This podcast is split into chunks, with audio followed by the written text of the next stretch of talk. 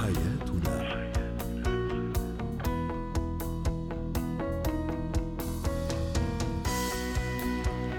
مستمعينا الكرام أهلا بكم معنا إلى برنامج حياتنا برنامجكم اليومي الذي يعنى بشؤون الأسرة وباقي الشؤون الحياتية الأخرى.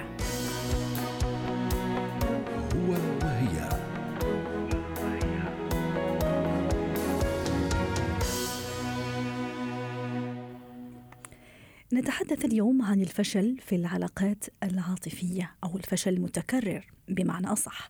للحديث عن هذا الموضوع تنضم إلينا عبر الهاتف من عمان دكتورة عصمت حسو الاستشارية الاجتماعية والأسرية. يسعد مساكي دكتورة عصمت. ليس هناك ربما أسوأ إحساس وخذلان من الفشل في العلاقات العاطفية والفشل المتكرر أيضا سواء بالنسبة للفتاة أو الشاب. دعينا نتحدث عن هذه الأسباب. هل هو مثلا الاستسلام إساءة اختيار الخوف من الارتباط الجدي؟ كيف ترين الموضوع؟ نعم. آه، أول نقطة لازم ننبه لها اللي بيغفل عنها كثير ناس من الجنسين إنه الفشل هو آه، جزء من سنة الحياة مترافق مع النجاح تماما. يعني ليس هناك ناجحا أو ناجحات بدون أن يكونوا قد فشلوا في جانب من جوانح حياتهم. صحيح بيكون الثمن مؤلم بيكون إرهاق نفسي ولكن الإرهاق الأكبر إذا لم أتقبل الفشل إنه جزء من مسيرة حياة الإنسان. هذا جميل. اولا. هلأ الفشل في العلاقات العاطفية له أسباب كثيرة. طبعا المرأة غير عن الرجل.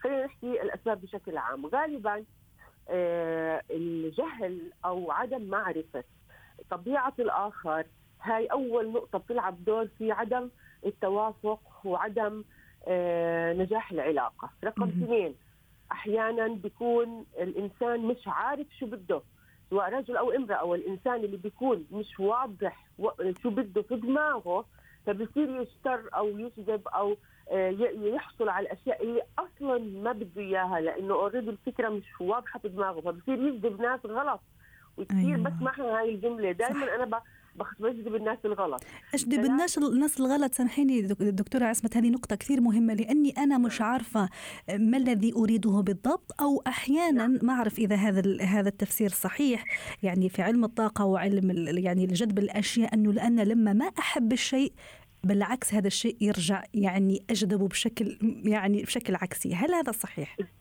اذا بدي أفكر فيها بطريقة علمية يعني م- على موضوع الدماغ. آه الفكرة المتأصلة بالدماغ إذا كانت واضحة هي بتوظف طاقة الإنسان لتنفيذها أو الحصول عليها.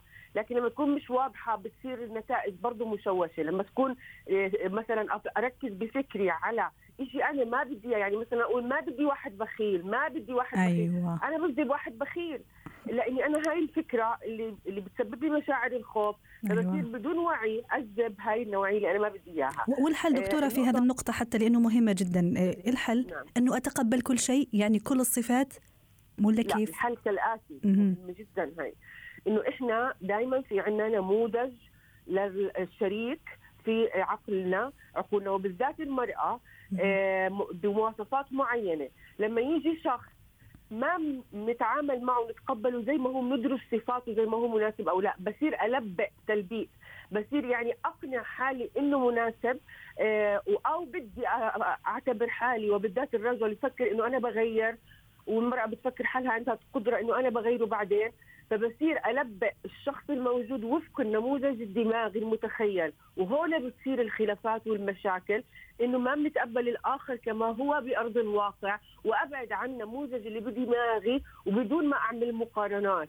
هاي النقطة كثير مهمة هي اللي بتخلي الإنسان يخفق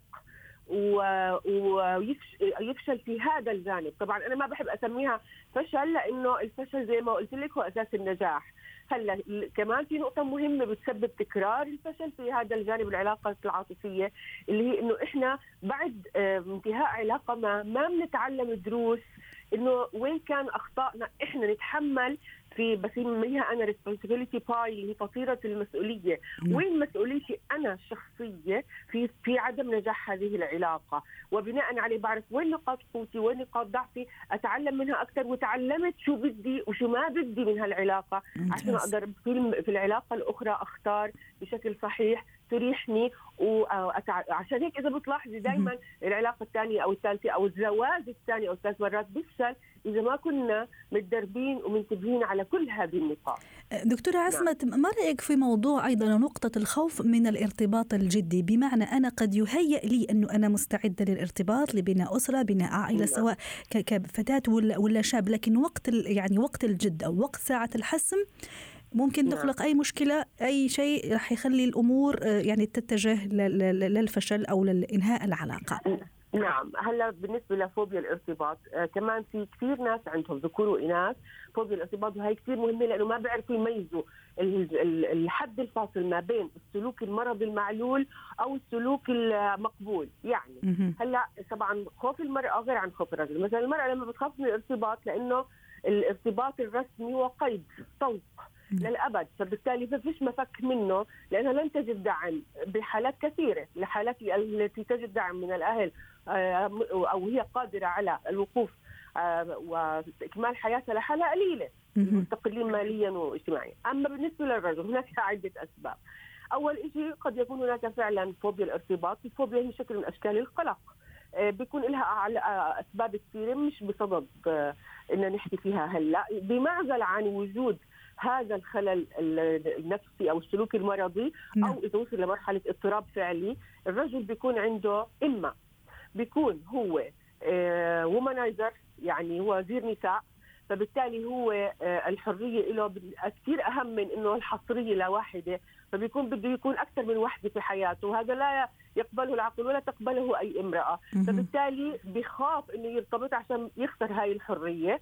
آه، اثنين هي دائما حجة الرجل للهروب. بمعنى إنه لما بيكون على علاقة لما يحس إنه نعم. آه بده يقرب يرتبط وهو مش جاهز هلأ بغض النظر ماليا whatever آه بيكون هو هي حجته أنا عندي ما بقدر وما بقدر وعشان يهرب إذا كان لقى وحدة أخرى. يعني كلها تصب في طبيعة الرجل آه بحب النساء. نعم. شكرا لك دكتورة عصمت حوس الاستشارية الاجتماعية والأسرية ضيفتنا من عمان. حياتنا.